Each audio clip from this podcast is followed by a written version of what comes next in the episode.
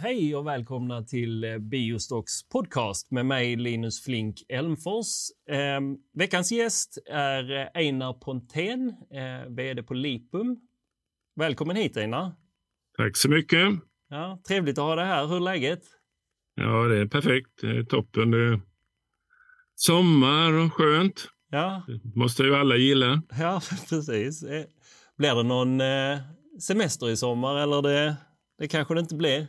Ja, då, det blir, man måste, alla människor måste ha semester eh, till och från, men eh, man kanske inte nödvändigtvis eh, åker långt utomlands. Eh, vi råkar ju ha eh, en eh, företrädesemission igång med teckningsperiod just nu, så att eh, jag håller mig ändå hemma och är eh, tillgänglig för aktieägare som ställer frågor och försöker också berätta om Lipum och emissionen. Ja. Vi kommer att prata lite mer om, om eh, Lipum om en stund tänkte jag. Men eh, för dem, eh, om det är de som inte känner dig sedan tidigare Einar, eh, skulle inte du kunna berätta lite om dig själv? Vad, hur har du tagit dig? Hur har vägen sett ut för dig och varför blev det just life science som du sysslar med? Ja, det. Oj. det är många Varför blev det life science? Ja, jag, jag, blev jag blev nog lite indoktrinerad av eh, släktingar och eh, det naturvetenskapliga intresset kan jag ju definitivt säga att det kom från min morfar en gång i tiden. Och som varje jul så fick man någon bok eller någon leksak som Den lille kemisten eller något annat som kopplade till eh, kemi och annat roligt. Så att eh, det var ganska givet att jag skulle komma in i det fältet. Ja. Vad, vad läste du på universitetet för någonting? Ja, faktum är ju att jag är ju skåning som du. Född, född i Helsingborg en gång i tiden. Ja, men det är bra. Det är helt rätt stad också. Det är, det är samma som mig. Det är tre, vi stannade inte så länge. Sen, Nej. sen jag uppvuxen i Jönköping och eh, återvände sen till Lund och började läsa kemi där på Mm. 80-talet. Framförallt analytisk kemi. Okej. Och, eh, och det ledde till att jag senare började arbeta på en forskningsenhet inom Astra som hette Draco. Okej. Och eh, det bytte namn till Astra Draco med tiden och sen blev det AstraZeneca och nu är ju de eh, lokalerna där är ju nu det som är Medicon Village. Mm. Men eh, det gäller ju att se världen så att, eh, 1989 så flyttade vi till Umeå Ja, ja. och där började jag forskarstudera och fördjupade mig då i analytisk kemi. Eh, Så att Umeå stannade, vi skulle stanna där. Min fru är jurist så hon hade fått sån där tingstjänst i Umeå och vi skulle stanna två, tre år sa vi. ja, ja. Men det blev 23 år. så att, eh, ja, efter lite eh, manövrar så flyttade vi faktiskt tillbaka till vårt sommarhus i Småland där vi bor idag. Så att jag verkar från Småland och har gjort det de senaste tio åren. ja, ja. Hur... ehm, eh, jag tänkte fråga det där också med, med just du berättar om Umeå här. Och hur, hur upplever du skillnaden på klimatet där i, från Skåne till Umeå? Ja, det var ju det som var äventyret att flytta Det det. till Umeå. Vi kom ju dit 1989 och eh, då var det ju framför allt så att det var universitetet och eh, andra, alltså Försvarets forskningsanstalt, Skogshögskolan och det var den typen av eh, verksamhet i Umeå, lite akademisk stad sådär. Kanske inte så mycket industri. Eh, så att det fanns, jag började faktiskt arbeta på ett forskningsbolag som heter Symbicom som var inom molekylärbiologi. Och jag, eftersom jag kom från läkemedelsindustrin så ville de gärna att jag skulle bidra med olika typer av kunskap kring kvalitetssystem och Standard Operation Procedures, SOP, som är viktigt inom läkemedelsindustrin. Men det, samtidigt var det ett forskningsbolag så att jag var inte så populär när jag sa vad som behövde göras med kalibreringar och journaler och allt sånt där som kanske inte alltid upplevs så roligt på laboratorier men som är ack så viktigt för att man ska veta att allting görs på korrekt sätt. Så att, men det var jag bara ett år och sen började jag forska inom analytisk kemi. Mm. Och eh, det där ledde till att eh, det blev en ganska aktiv forskargrupp som utvecklade eh, verktyg som användes för kemisk analys och med helt ny kemi. Så vi introducerade eh, polymera monolitkolonner och allt annat. Så att när det var klart 96 så stod jag och min handledare och funderade på vad tusan vi skulle göra. Så då bestämde vi oss för att starta ett bolag själva istället. Vad var det och det för, bolaget fick namnet bolag? Sequant. Jaha. Vad gjorde ni ja, det var, vi, vi, vi, tänkte döpa det till sequant.com. för det var ju trendigt då med internet eh, i slutet av 90-talet. Eh, så att, eh, men det blev bara Sequant av det och då introducerade vi några år. I början av 2000-talet introducerade vi en kromatografikolonn okay. för en speciell ny teknik som egentligen inte användes då utan för små eh, polära ämnen. Mm. Och eh, Det fanns inte så många användare i världen så att vi fick lära upp folk och det ledde till att vi blev världsledande och eh, dominerande varumärke eh, som sen började kopieras av andra och 2008 köpte tyska märkkoncernen bolaget. Okay. Och då blev namnet bytt, precis som Draco fick namnet Astra Draco så fick Sequant namnet Märk Sequant. Okay. Och jag var dotterbolags-vd för den forskningsenheten i Umeå då, eh, några år innan jag bestämde mig för att gå vidare. Ja. När du inte forskar, Einar, vad hittar du på på din fritid? Eh, ja, jag är ju... Jag har en segelbåt som jag är väldigt intresserad av att vara ute och segla i. Det gör kanske inte så mycket som jag skulle vilja. Och sen har jag ju ett intresse för travhästar så vi, vi föder upp en travhäst i taget. Okej. Okay. Eh, men, men annars är jag väl inte... Det är mest en sån som pysslar i trädgården eller bär säckar åt hustrun. Ja, ja, ja. ja. Och, och sen, eh, och sen eh, är jag gärna ute i, i båt överhuvudtaget och även roddbåt och fiskar lite och sånt också. Ja, ja. Har du några favoritställen att fiska på då? Ja, vi, har, vi, vi bor ju nära ett naturreservat så det är grunda vikar och eh, där är det roligt att fiska på vårkanten i alla fall. Sen blir det för varmt i vattnet så fisken försvinner där. Men, ja. det, men då är det enklare lite. Jag har inga ambitioner utan eh, nu har jag skaffat mig hov också så att jag ska få upp dem ifall det ja, det kan ju vara en fördel ju. Eller du fångar, det beror ju på hur stora de är också ju. Nej, det är bara stora fiskar jag det fångar. Är det, ja. det brukar ja. ju vara det när man pratar med fiskare. Det är bara, då, då är det, det är bara stora fiskar alltid. Du Einar, eh, jag tänkte med, med, med Lipum då, när du antog den rollen på Lipum, kan du inte berätta lite om det? Vad var det som lockade dig till, till bolaget? Nej, då tar jag vid i min, min beskrivning av vad, jag, vad hände sen när jag slutade på Merck Sequant. Eh, eh då, då gick jag in i en period där jag blev konsult och hjälpte små bolag att komma igång. Alltså typ när man har två professorer och ett patent och så vill man komma vidare. Eh, så jag var lite coach för diverse olika bolag, startupbolag. Och sen var jag också forskningschef i ett bolag i Ystad som håller på med desinfektion av eh, dricksvatten. Okay. Men, men det var på konsultbasis då. Men ett av de här bolagen hjälpte jag att skriva en EU-ansökan till EUs stödprogram som då hette Horizon 2020. Och jag fick frågan om jag kunde tänka mig att göra en sån där ansökan och utan att tänka mig för så sa jag det kan jag väl göra. Och sen så loggade jag in och så satt jag och tittade på skärmen och började gråta över hur otroligt krångligt det var att skriva en sån ansökan. Men det var sig inte bättre än att den beviljades. Okej. Okay. Och jag hade förstås tagit alldeles för lite betalt, men jag hade lärt mig mycket om det bolaget och det var ju roligt. Och det gjorde att jag blev väldigt populär bland andra småbolag. Att skriva sådana EU-ansökningar till dem också. Så det blev ett flertal som jag satt och skrev och lärde mig om de här bolagen. Och ett av de bolagen var 2016 Lipum. Ja, ja, ja. ja. Så att, eh, ja, jag läste på och såg att eh, det här var ju otroligt intressant forskning i botten. Eh, det var en ortogonal upptäckt från de här forskarna som höll på inom pediatrik och så har de gjort en upptäckt inom inflammation. Mm.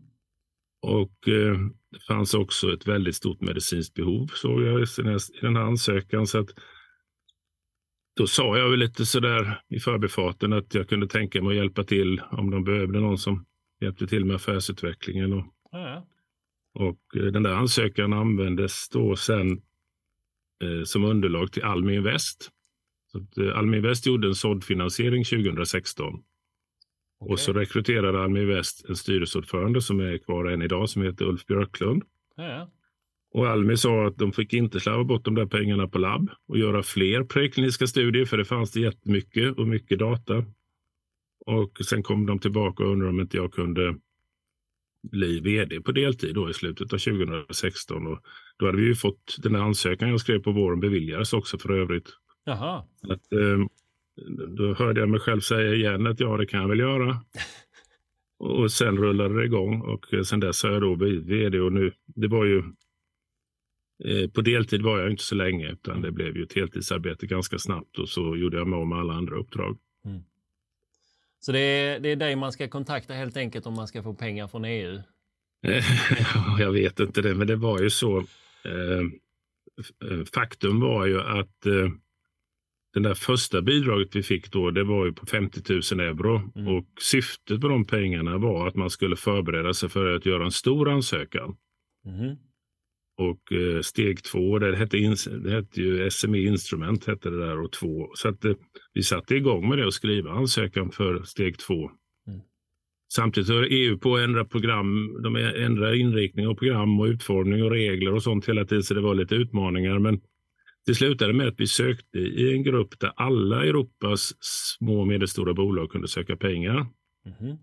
Och eh, vi beviljades det. Så vi fick eh, bidrag på 23 miljoner eh, 2018. Oj.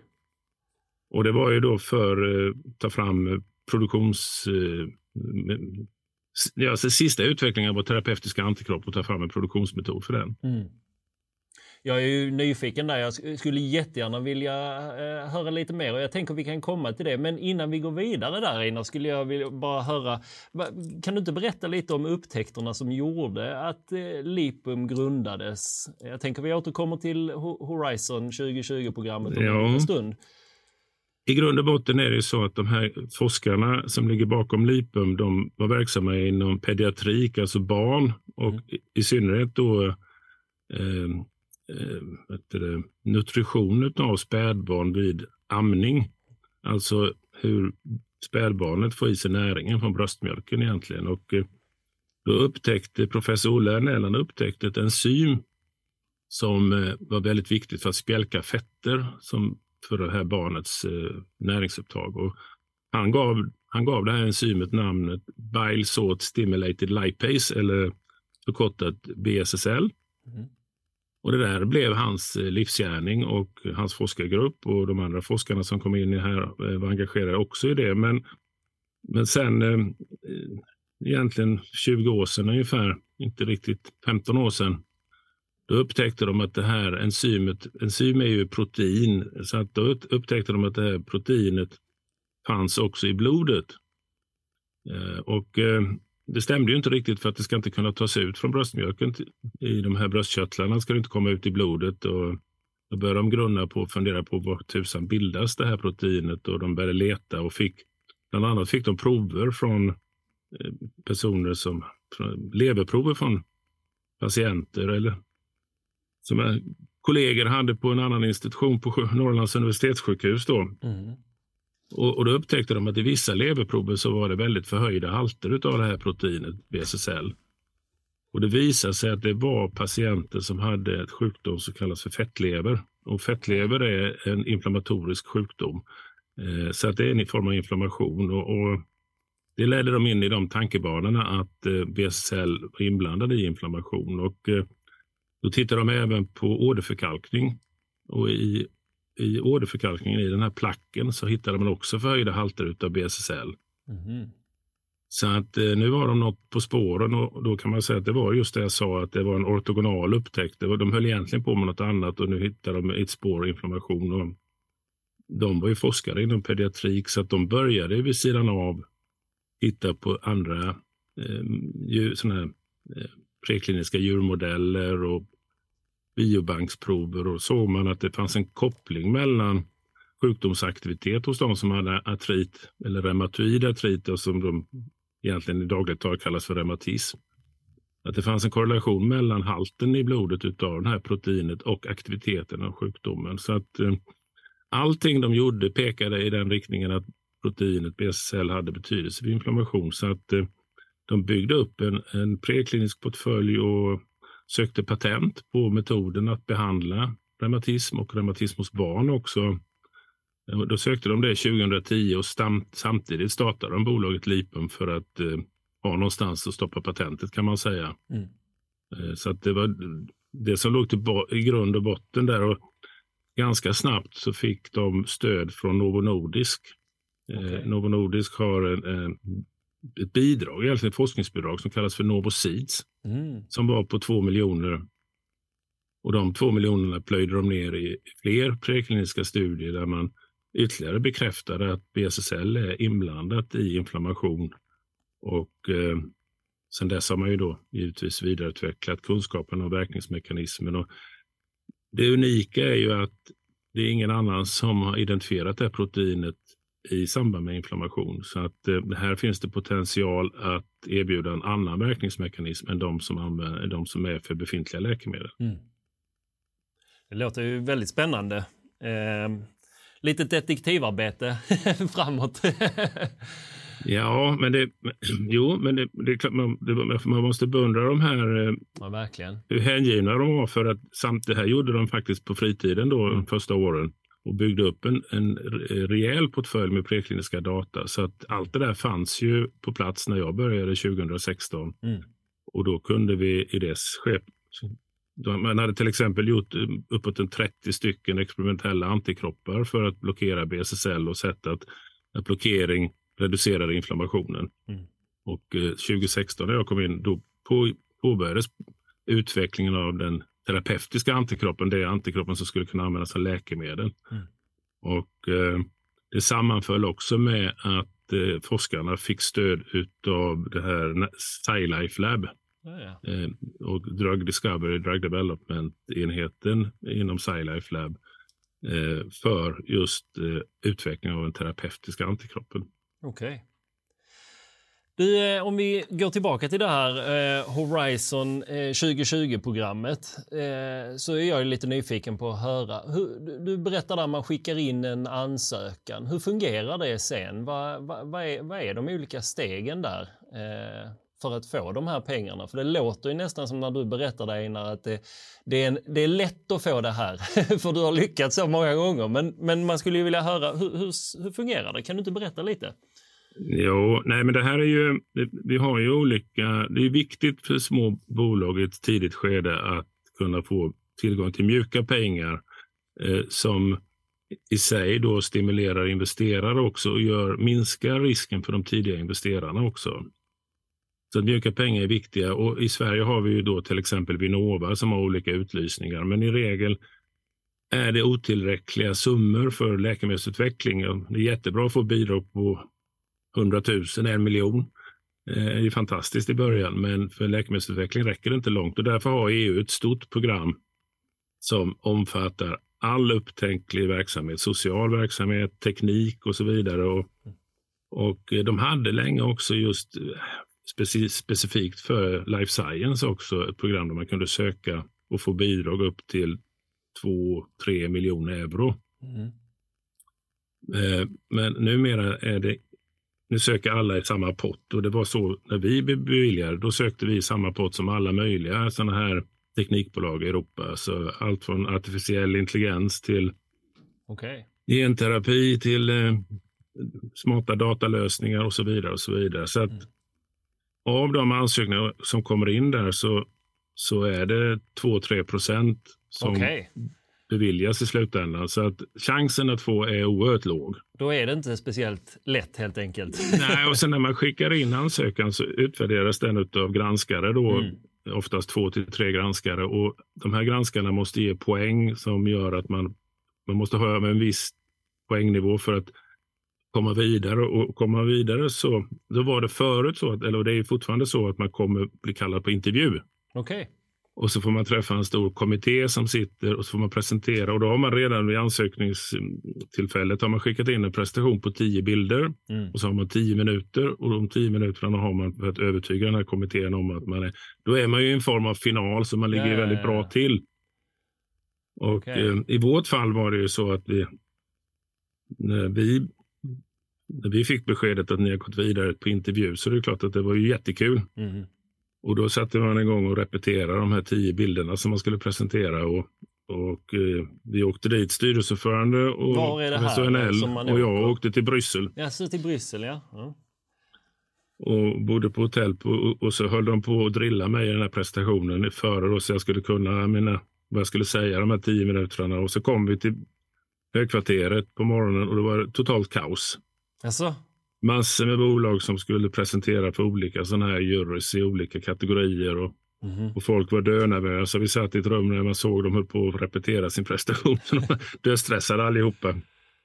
Så att eh, när vi kom in till den här kommittén och satt så flög, flög fan i mig på något sätt. Så då avvek jag från manus och så började jag säga till den här juryn att det här är ju ett eh, glorious moment in Lipum Development. Att vi har kommit till, till intervjun. Då. Mm. Så just därför så tog jag på mig min extra fina gröna slips idag och så visade jag upp slipsen. Okay. Och berättade om hur jag hade fått den en gång i tiden. Och båda mina styrelseordförande och grundare blev helt chockade. Tänkte vad fasen håller han på med? Så att jag, jag slösade bort en minut och pratade om slipsen. uh, och uh, det, det, det, märktes ju på juryn att de, de satt ju där och lyssnade på den ena efter den andra som kom och pratade om fantastiska upptäckter de hade. Så jag tror att de lyssnade lite bättre och sen, eh, då hann jag ju inte med sista bilden förstås. Okay. Men när klockan ringde så klickade jag fram den också så hade vi den framme under frågestunden. Och uppenbarligen var det ett lyckat drag därför att vi beviljades ju då Projektet var ju på drygt 30 miljoner och så fick vi bidrag på 23. Ja. Eh, och det var ju väldigt viktigt givetvis. Och, eh, ganska strax därefter så gjorde vi en eh, nyemission och fick in, eh, då ökade vi antalet aktieägare upp till 49 stycken så vi fick in ytterligare 25 miljoner. Så att eh, i och med det så hade vi nästan 50 miljoner att eh, arbeta vidare med. Och, och det behövs för därför att eh, utvecklingen av terapeutisk antikropp är dyrt. Mm. Det kostar mycket. Men där Einar, för det, då var ni fortfarande onoterade bolag, eh, mm. eller ett onoterat bolag ju, eh, som jag förstår det. Eh, kan du, eh, vad skulle du säga om eh, den största skillnaden? För nu, numera, du har ju följt med hela resan och varit med och nu ni noterade. Va, vad är den största skillnaden mellan att vara ett onoterat bolag och ett noterat bolag? Ja, det är ju ganska stor skillnad såklart. Eh, det är väldigt stor skillnad. Det finns ju mycket, mycket mer formalia. Mm. Eh, ett exempel är ju att vi ska lämna kvartalsrapporter eller delårsrapporter.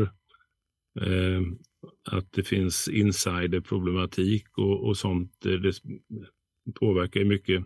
Mm. Men, men då måste jag berätta att vi redan när vi var onoterade så såg jag till att vi hade kvartalsrapporter. Okay. Därför att de som hade satsat i oss eh, då förtjänade ju att få veta vad som hände. Mm. Själv har jag då erfarenhet av att man investerar i någon och så hör man ingenting ifrån dem och så plötsligt så hör de av sig och då är det dags för nyemission. Ja. Det, det tycker jag inte om. Så att vi hade den rutinen redan som onoterat bolag. Och, och, då, klart, då kunde jag ju skriva ett mejl till allihopa och berätta att vi har träffat det bolaget och vi pratar med dem och vi har skrivit sekretessavtal med dem och så vidare. Så det var ju mycket, mycket enklare på det sättet. Man kunde vara mer öppen som, som onoterat bolag. Samtidigt är det ju eh, det var ju viktigt givetvis. Vi noterades i april 2021 eh, och det innebar ju att vi fick in 85 eh, miljoner mm. från investerarna där och vi hade ju ett enormt intresse. Det var ju täckningsåtagandet som var närmare 200 miljoner så att det, det fanns ett jättestort intresse. Sen, sen har ju eh, konjunkturen och annat spökat till det givetvis. Så att, eh, intresset för life science har ju tyvärr sjunkit under senare tid. Mm. Hur, eh, eh, påverkar, upp, hur upplever du att det påverkar er som bolag, det allmänna marknadsklimatet och kanske framförallt det som har varit? Nu hoppas vi väl kanske på en vändning här, men, men hur, har det, hur har det varit? Ja, vi, vi, när, man noterar, när vi noterade så ritade vi upp ett antal planer, både i tid och aktiviteter på vad vi skulle göra. Och, mm. och vi har trummat på. Eh, och då, eh, vi hade ju tagit oss igenom, vi hade ju tagit oss igenom en pandemi mm. och kunnat hålla tempot uppe och göra det vi skulle. Så att eh, vi har varit bra på att göra det vi ska i tid och till rätt kostnad. Mm. Och, eh, så det har vi fortsatt med. Sen är det inte roligt att se att eh, värdet sjunker. Eh, men i regel är det ju, eh, i regel får man ju säga att det är ganska låg omsättning mm. på, på aktien tyvärr och då, då, är det ju småsparare som sätter prislappen på någonting. Men mm. det är väl det. Men, men det är mer jag personligen då som tycker att man borde, man borde ju värdera. Det har ju kostat att ta oss dit vi är idag har ju kostat någonstans runt 170-180 miljoner. Mm.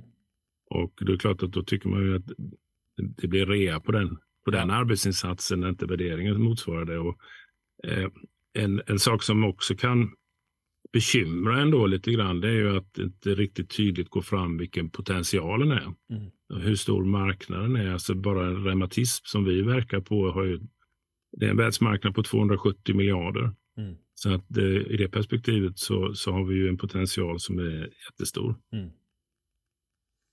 Ja, verkligen. Där eh, är det ju intressant att, höra lite, Einar, då, om vi tittar lite, nu har vi pratat lite historia om Lipum och om vi tittar lite på nuläget, vad skulle du säga är det mest spännande som händer i bolaget just nu? Ja, det, det, det är ingen tvekan om att det mest spännande är att vi har en pågående fas 1 eh, klinisk prövning mm. eh, som har kommit till ett, någon form av delmål kan man säga. Eh, men då skulle jag vilja backa tillbaka egentligen till att i augusti förra året så kunde vi lämna in en ansökan om att få starta klinisk prövning. Mm. Och när man gör det så summerar man då i något som kallas för IB, där summerar man all forskning och utveckling som man har gjort som motiverar att man ska göra en klinisk prövning. Och så gör man en, en eh, dossier över antikroppen, själva produkten, som sammanfattar hur man tillverkar den och alla eh, kvalitetstester som har gjorts och säkerhetstester som har gjorts. Och allt det här kommer ju till myndigheterna och etikkommittéer och så bedömer de att ja, det här är det här är någonting som är av rätt kvalitet och det är värt att starta en klinisk prövning. Mm. Och, och det, är, det är ett väldigt viktigt skede för då går man in i klinisk fas och det är ett väldigt viktigt skede i kontakten med både större investerare och med tänkbara partners i läkemedelsindustrin. För att eh, innan man är i klinisk fas, så preklinisk fas kan i princip eh, vem som helst vara länge. Man, eh, har man en professor och en idé så är man i preklinisk fas. Mm. Eh, men när man väl är i klinisk fas då har man dokumenterat väldigt mycket och man har rätt kvalitet. Och det, det är otvivelaktigt så att jag har ju märkt ett betydligt ökande intresse bland andra läkemedelsbolag i det här fältet, verksamma i det här fältet, sen vi startade klinik. Men nu är jag långrandig, men sen, sen är det ju så, det, det här med faser 1 och fas 2 och fas 3, mm.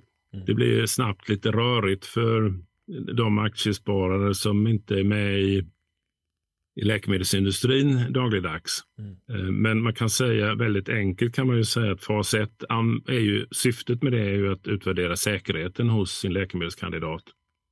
Och fas 2 är oftast då att utvärdera effekten, att det fungerar. Och ja. sen i fas 3 så är det ju eh, den slutliga verifieringen av att det har en eh, att det är ett viktigt läkemedel för de som har en sjukdom. Mm, men, men sen kan vi gå ner på detaljerna för att fas 1 delar man sig i sin tur upp. Så att vi har då så här långt så har vi då börjat med något som kallas för single ascending dose. Det innebär att varje individ som är med som frivillig försöksperson får en dos. Och så har vi då åtta stycken som får en dos. Och så tittar man på att det inte händer något negativt. Två av de här har fått placebo. Så det är sex som får aktiv och två får placebo. Och, och sen gör man en säkerhetsutvärdering. Alltså det är läkare som gör säkerhetsutvärderingen och så kommer man fram till att nej, det hände inget negativt. Och så tar man en ny grupp med åtta och så får de en ännu högre dos. Mm. Och så stegar man sig upp på det sättet och nu har vi passerat, så vi har tagit eh, fem grupper, alltså 40 stycken friska frivilliga har fått doser och nu har de fått en väldigt hög dos den sista gruppen och vi har inga säkerhetsproblem överhuvudtaget. Och det hade vi inte väntat oss heller därför att vi i det prekliniska, alltså non-clinical program, när vi har testat tidigare så har vi inte haft anledning att tro att vi skulle få några negativa effekter. Men nu är det verifierat i människa också. Mm. Och eh, dessutom så utvärderar man ju då Eh, det som kallas för farmakokinetik. Egentligen man kan säga vilken halveringstid har antikroppen när den kommer in i människan. Och eh, då skänker jag en tacksamhetens tanke till SciLife Lab som var med i utvecklingen. Därför att målsättningen var att få en antikropp som har ganska lång halveringstid så att patienterna sen i framtiden kan ta en dos i månaden till exempel eller varannan vecka eller något som är, praktiskt och bekvämt. Mm. Och vi såg att vi har, nu ser vi också att vi har lång halveringstid. Så att, eh, dessutom har den där data på halveringstiden visat sig vara robusta och stabila. Så att eh, därför har vi upptäckt möjligheten att eh, vi ska, kan starta den andra delen av fas 1 som kallas för multi-ascending dos. Och den innebär då att i det fallet friska frivilliga, då får de flera doser. Så de får en dos och sen väntar man lite tid och några veckor med tanke på halveringstiden och så får de en dos till. Och så får de så säga, en, en jämn steady state-nivå utav antikroppen och då undersöker man att det är säkert även då. Mm. Eh, och den MAD, man, man pratar om SAD och MAD. Och nu har vi upptäckt att vi kan starta MAD tidigare ja. eh, än vad vi planerat och därmed så skulle hela fas 1-studien också kunna bli klar snabbare. Eh, och det är ju faktiskt det då som motiverar att vi nu gör en företrädesemission för att eh, det är bra att vi kan starta MAD-delen snabbare, men då behöver vi också finansiering tidigare. Ja. Så därför gör vi en företrädesemission nu för att kunna bli klara med fas 1 ja, eh, snabbare. Och eh, då förstår jag, då är det ju där pengarna helt enkelt ska puttas in, det kapitaltillskottet som ni nu gör. Helt ja, i huvudsak är det för att man, man, det är klart man, de här studierna kostar ganska mycket pengar och det är mm. klart man vill inte skriva kontrakt med ett, en sån här kontraktsföretag mm. innan man vet att man kan betala räkningen när den kommer. Mm. Eh, och eh, nu hade vi, nu har vi ju, eh, nu ser det väldigt bra ut, men vi har ju täckningsåtagare i den här emissionen på drygt 50 procent bland befintliga aktieägare. Så att vi vet ju att vi har finansiering så vi kan köra så som vi har tänkt. Vi ja. kan tidigare lägga den här MAD-studien. Men det, det här... Sen hör det ju till saken, ja. hör det till saken då att vi har lite udda upplägg på den första delen därför att den sista gruppen i den här SAD-delen, det kommer vara åtta stycken patienter som har ledgångsreumatism. Mm.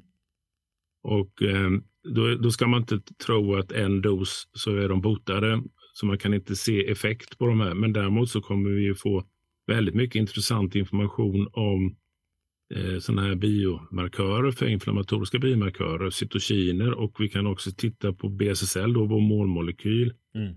Och farmakokinetik också, så kan vi jämföra patienter med, eh, med friska och se om vi ser några skillnader där. Och de data kommer vara oerhört värdefulla för planeringen av nästa studie då som blir fas 2. Mm. Eh, som vi hoppas kunna starta under, under 2024. Då. Vad räknar man med när, eh, vad, vad, vad, kostar en sån här studie att genomföra per patient? Vad, vad, alltså mellan tummen och pekfingret. Jag förstår att det kanske är svårt att säga något exakt, men mest bara för av intresse. Ja, det, är väldigt stor skillnad. det är väldigt stor skillnad om man har friska frivilliga eller patienter inblandade. Mm. Och eh, Det är också väldigt stor skillnad om man har en liten molekyl, alltså en kemisk syntetisk molekyl, eller om man har ett biologiskt läkemedel. Mm. Eh, och eh, det, det, är ju så att om du, man vet från statistiken så vet man att av de läkemedelskandidater som kommer in i det här fältet, autoimmuna fältet, som kommer in i klinisk prövning fas 1, så är det mycket dyrare att ta fram en antikropp. Men å andra sidan så är chansen att komma till ett marknadsgodkännande fyra gånger högre med en antikropp än med en småmolekyl. Mm. Så att eh, man har gjort en väldigt stor investering innan och man gör en större investering under det kliniska programmet. Men chansen att lyckas är oerhört mycket högre än vad den är med småmolekyl. Mm. Det där hänger ju samman med att små molekyler eh, de är inte lika selektiva när de kommer in i kroppen. En antikropp kan designas på ett sådant sätt så att den inte reagerar till höger och vänster och skapar biverkningar i onödan så att säga. Mm. Men eh, om jag ska ge en siffra så kan man nog säga att i fas 2 kan man nog räkna med att eh, det ligger runt 800 000 per patient som är med i studien. Mm. Och eh, om studien ska vara vettig så behöver man nog ha en 100-120 patienter. Mm. Så att eh, det överlåter jag till lyssnarna att göra lite huvudräkning. Men, ja. men i fas 1 är det ju i fas 1 är det ju betydligt enklare, men, men man får nog räkna med att eh, någonstans mellan 20 och 30 miljoner. Mm. De här kostnaderna, jag tycker man har hört på andra life science-bolag som, som har uttryckt att eh, kostnaderna för varje enskild patient har, har dragit iväg sista åren, nästan så att det har blivit inflation i det där också. Är det någonting som, som du också upplever inom ert område? Eller det... Nej, det tror jag inte. Jag tror inte och jag upplever inte, jag har inte haft en antikropp i klinisk prövning innan, ja. i min erfarenhet. Men däremot har vi en styrelse som är väldigt erfaren och eh, de kan nog eh, sucka lite över det här att eh, och alltihop hänger ju givetvis samman med att patientsäkerheten kommer först. Mm. Man måste, det, det, är väldigt mycket som måste göras för att säkerställa den. Mm. både för friska och för de som är patienter i sådana här studier. Och all den kvalitetssäkring och allting runt omkring det, gör, det driver ju kostnader absolut. Mm. Och sen har vi ju också att att eh, vi, vi kan inte göra alla kliniska prövningar i Sverige. De måste göras utomlands. Och gör man då, då i USA eller eh, någonstans i Europa då har vi ju den svaga svenska kronan som också driver. Det, det påverkar ju också omkostnaderna ganska så drastiskt faktiskt. Och mm. Det är väl egentligen det som är det mest kostnadsdrivande för tillfället tror jag. Ja. Um. Du Einar, eh, nu i emissionen här, eh, kommer du själv teckna aktier? Ja, då, det har jag gjort. Ja. Jag har ju köpt ganska mycket aktier sedan vi noterades. Ja. Mm. Eh, men ehm, eh, nu har jag tecknat i, i emissioner tillsammans med två grundare då också. Så att, men det är klart att vi, vi är inte så stora aktieägare att vi kan eh, bära emissionen då är det ju tur att vi har eh, stora, långsiktiga och kunniga aktieägare som gör teckningsåtagande. Och Vilka är det, de större aktieägarna i bolaget? Ja, den största aktieägaren är ju då Flerie Invest som ja. är specialiserad på life science och eh, de har ju en portfölj där, på cirka 30 bolag mm. som de eh, är aktivt engagerade i. Och mm. För de som inte känner till Flerie Invest så så är ju det bolag som ägs och grundas av eh, Thomas Eldered som, som i slutet av 90-talet startade upp eh, en verksamhet med servicetjänster, som ett bolag som heter Recifarm som hade specialiserat på servicetjänster till läkemedelsindustrin och eh, han drev ju det tillsammans med sin kompanjon till eh, att vara ett av världens mest framstående bolag inom, inom just sådana här CRO-tjänster till läkemedelsindustrin. Och Eh, sen var det på våren 2021 eh, så köpte EQT eh, ut Recifarm från börsen och sen dess har då Thomas via flera invest investerat i, i life science-bolag. Så att, mm. det, ja. det, är ju en väldigt viktig investerare. Men jag skulle, fram, jag skulle också gärna vilja framhålla eh, vi hade Almi Invest som jag nämnde förut, de gjorde en mm. såddfinansiering. Det var viktigt de eh, sålde sen då sina aktier till Flerinvest. Så att eh, då har de kommit ur och så har vi fått in en mer långsiktig investerare som är med mm. på sikt. Men, men vi hade också de första ängelinvesterarna var viktiga. Det var eh, Adam Dahlberg och det var Nils-Erik Ökvist och Thomas Lundqvist. Och Thomas Lundqvist var en gång i tiden med och startade Orexo. Mm. Nils-Erik Ökvist var styrelseordförande i Vitex som är ett väldigt framgångsrikt it-företag. Och Adam Dahlberg då engagerad i ett flertal olika medtechbolag. Så att de där var som, som, eh, som ängelinvesterare och mentorer så var de väldigt viktiga när vi, när vi skapade förutsättningarna för att gå vidare, dels med finansiellt men också då när vi skulle gå till notering. Mm. Så det, det, är väldigt många. Jag, jag, är ju, jag gillar mina aktieägare i Lipum ja. deras engagemang och långsiktighet och då vill man ju också göra sitt yttersta för att leverera. Och eh, det tycker jag vi har gjort också ganska så bra. Mm. Om vi då eh, blickar lite framåt här Einar, eh, vad, vad kommer hända här i, i Lipum framöver? Vad ligger i pipen ja. så att säga? Ja, vi tror ju, eller rättare sagt vi är övertygade om att BSSL är inte bara en target, en målmolekyl för behandling av reumatism. Utan vi, vi vet ju att vi har ju olika typer av data för andra sjukdomar som är i det här fältet autoimmuna, autoinflammatoriska, kroniska inflammationer. Mm. Eh, och, eh, man, det, man, får titta lite historiskt på det när, när de här grundarna upptäckte en ny målmolekyl då skulle de i första skedet skulle de ju verifiera att det verkligen var målmolekyl och då vill man ju använda modeller som var välkända och väletablerade och det fanns det just inom artrit. Eh, så att därför så använder de artritmodeller och då visade det sig att det fungerade väldigt bra på artrit. Så att eh, kombinationen av eh, en ny unik målmolekyl och bra data för artrit samtidigt som då inom inom just eh, reumatism och de här finns det ett väldigt stort medicinskt behov av alternativa verkningsmekanismer. Mm. Så att det där ledde ju till att vi, vi fokuserade på att gå mot ett som kliniskt proof of concept, alltså effektstudie i fas 2. Det har varit liksom målet. Men parallellt med det så är vi, vi har ett eget labb och vi har egen personal som arbetar med att titta på fler sjukdomar i det här fältet. Och då har vi valt ut de här inflammatorisk tarmsjukdom, alltså Crohns sjukdom ulcerös kolit. Mm. Eh, vi är intresserade av och är också intresserade av SLE. Mm. Som är en, en svårbehandlad och, och, och, tråkig eh, inflammatorisk sjukdom. Men sen finns det en hel rad andra och jag nämnde ju förut det här med fettlever eh, och åderförkalkning. Och, och därför har vi engagerat oss. Vi är med i ett forskningsprojekt som drivs vid Örebro universitet som just handlar om eh, åderförkalkning. Och åderförkalkning har en koppling till hjärt, hjärtsjukdomar, alltså stroke och, och ja, ja, även då stroke och eh, den typen. Och det är ju då inflammatoriska processer som ligger bakom. I viss mån även cancer eh, förklaras av inflammatoriska processer. Så att vi är eh, vid sidan av och det, den prekliniska verksamheten att göra studier av andra indikationer och att utvärdera verkningsmekanismen det är ju relativt eh, förhållandevis billiga aktiviteter. Så vi tänker oss att vi i ett skede ska ha kliniska data, proof of concept i fas 2 och så ska vi ha en portfölj av andra indikationer och då tror vi att vi kommer kunna goda möjligheter att eh, få till samarbeten i den kliniska utvecklingen och kanske även licensaffärer. Mm.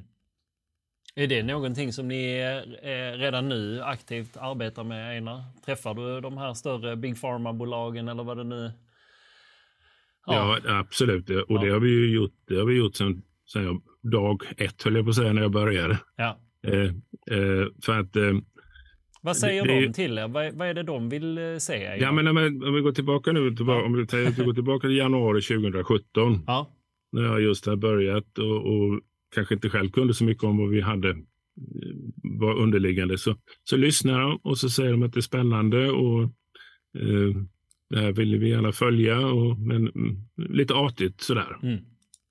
Men då är vi i preklinisk fas som sagt och då är det ju inte så hett och akut på det sättet utan de monitorerar lite och så samlar de information. Och sen nästa gång man ska träffa samma läkemedelsbolag då har de bytt scout så det är en ny person som har, som har, bytt, som har fått nytt jobb eller något och då och då börjar man om igen och så säger de samma sak igen. Att det här var ju spännande och det vill jag veta mer om. och, så, och så rullar det på så. Men, men det är också så som relationer byggs. Jag, jag, jag nämnde ju förut att vi sålde kromatografibolaget Sequent till Merck. 2008 var det. Men till saken hör att 2003 så började vi ett samarbetsprojekt med dem, med Merck. Mm. Och kom fram till att de hade ett fundamentalt fel i sin tillverkningsprocess. Och sen stannade det samarbetet ända till de kom tillbaka och köpte oss. Och, så det tog fem år här innan relationen ledde till en affär. Och det, det, det är samma sak i läkemedelsindustrin här. att det, mm. det, är en lång process att etablera relation. Och det är klart att när vi berättar om att vi har en ny target. Mm. Eh, man ska komma ihåg att i stort sett alla större läkemedelsbolag i världen har någon form av läkemedel inom reumatism. Och eh, då kommer en bolag, mindre life science-bolag från Sverige och säger att här har vi en helt ny target som ni har missat. Mm. Jaha, då får man en klapp på axeln i början. Mm. Eh, nu när vi har kommit så här långt och mer data, då är ju intresset betydligt högre. Men, men eh, eh det är först när man har kliniska data som eh, full värdeutveckling av upptäckten och arbetet kan komma. Mm. Och därmed för att återgå lite där till, eh, vad ska vi kalla det, eh, milestonesen framöver. För jag avbröt, avbröt dig där med, med en följdfråga tidigare. Men, men eh, vad, vad, kan investerarna se fram emot här eh, om vi ser detta och nästa år i, i form av olika milestones? Du vet, när jag pratar om Sol 116 och BSSL, då är det inte lätt att avbryta mig. Inte för då går jag igång ju. Och det, är, det, det händer ju väldigt mycket, både på den prekliniska sidan och det pratar ju vi i regel inte om så mycket. Vi, vi, har ju hittills, vad jag minns, har vi inte annonserat några resultat från den prekliniska sidan. Eh, därför att vi, vi det, oftast är det fördelaktigt för oss att inte göra det ur patentsynpunkt och annat. Eh, dessutom så är det ju först när man kommer Däremot finns det ju saker som blir klara som man kan rapportera om. Mm. Olika delsteg, toxstudier, produktionsstudier och annat. Och det har vi pratat mycket om. Men ja. nu så är ju nästa milestone för oss är ju definitivt att vi har slutfört fas 1. Alltså vi startar den här så kallade MAD-delen efter sommaren. Mm. Och den tillsammans med den första SAD-delen, de här patienterna som är med där, blir klara data, blir klara under hösten. Mm. Och då står vi redo i början av nästa år, under första kvartalet nästa år. Då har vi ju summerat intrycken och kan planera fas 2. Mm. Alltså vi har data som ger oss underlag för att planera mer i detalj fas 2. Mm. Eh, fas 2 planeras ju faktiskt redan nu. Ja, Planeringen är redan igång och, och teamet hade möte med Läkemedelsverket häromveckan och eh, gick igenom olika frågor som man har eh, som, som eh, ska beaktas och, eh, i den här planeringen. Så det är en lång, lång framförhållning givetvis, men, men de data som kommer från fas 1 kommer ju vara viktiga då i den slutliga planeringen innan man bestämmer sig för omfattningen och inriktningen och val av patienter och, och eh, kan skriva kontrakt med någon aktör mm. Som, som man samarbetar med för att genomföra studien. Så att, nästa milestone är ju slut, början av nästa kvartal, eller första kvartalet nästa år. Mm. Det är det ju definitivt. Ja. Spännande Einar, det händer mycket. Ja, det gör det. Det ska bli intressant att, följa Lipum här framöver. Eh, det var också eh, väldigt roligt att höra om din historia där med Horizon 2020.